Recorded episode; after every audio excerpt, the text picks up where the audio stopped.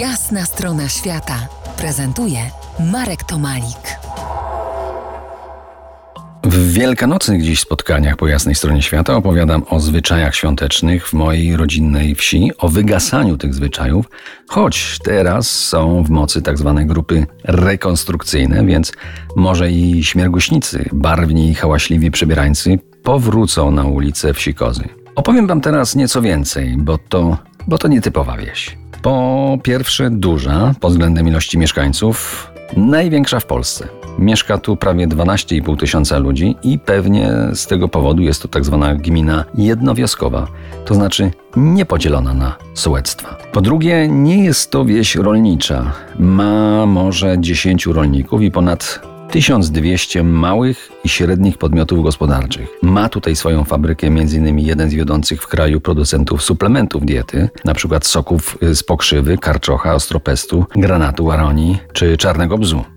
Po trzecie, nauka. Od 1985 roku w neobarokowej willi Grabowskich działa Laboratorium Fotowoltaiczne Instytutu Metalurgii i Inżynierii Materiałowej Polskiej Akademii Nauk. Jedyna tego typu placówka w krajach Europy Środkowej. To przyczółek nauki z zewnątrz, ale jest też nauka od wewnątrz. Kozy to pierwsza gmina wiejska w Polsce, która dwie dekady wstecz otwarła własne liceum ogólnokształcące. W rankingu samorządów Rzeczpospolitej zdobyła laur w kategorii najlepsza gmina wiejska w 2008 roku, a od lat jest w czołówce najszybciej rozwijających się gmin w skali kraju. Związek Powiatów Polskich w swoim rankingu umieścił gminę Kozy na piątym miejscu w Polsce i pierwszą w województwie śląskim.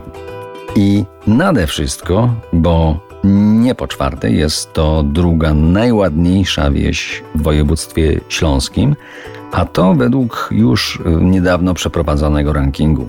I coś w tym jest, ale jak się tam mieszka, a ja mieszkałem do 20 roku życia, to się tych przymiotów zwykle nie zauważa, bo to codzienność po prostu jest jak jest. Tylko dlaczego pozbawiona rolniczego charakteru wieś z ponad 12 tysiącami mieszkańców, trzema kościołami, trzema szkołami podstawowymi i liceum, i dwoma ośrodkami zdrowia, i przedszkolami, i pałacem, i supermarketami nie jest miastem. Dojeżdżając tutaj od strony Bielska Białej trudno dostrzec, że się opuszcza miasto. Są tutaj nawet budynki przypominające mniej okazałe kamienice. W latach 70. XX wieku były pomysły wchłonięcia Kus przez Bielsko-Białą, jak to się stało z kilkoma innymi wioskami, np. Haucnowem i Lipnikiem. Nawet gdyby doszło do referendum, w tej sprawie mieszkańcy Kus pewnie by się nie zgodzili. Cenią sobie niezależność i są na to zbyt dumni. Myślę, że to nie tylko moja opinia. Na kolejne kozy Love Story zapraszam za kilkanaście minut. To jest jasna strona świata w RMS Classic.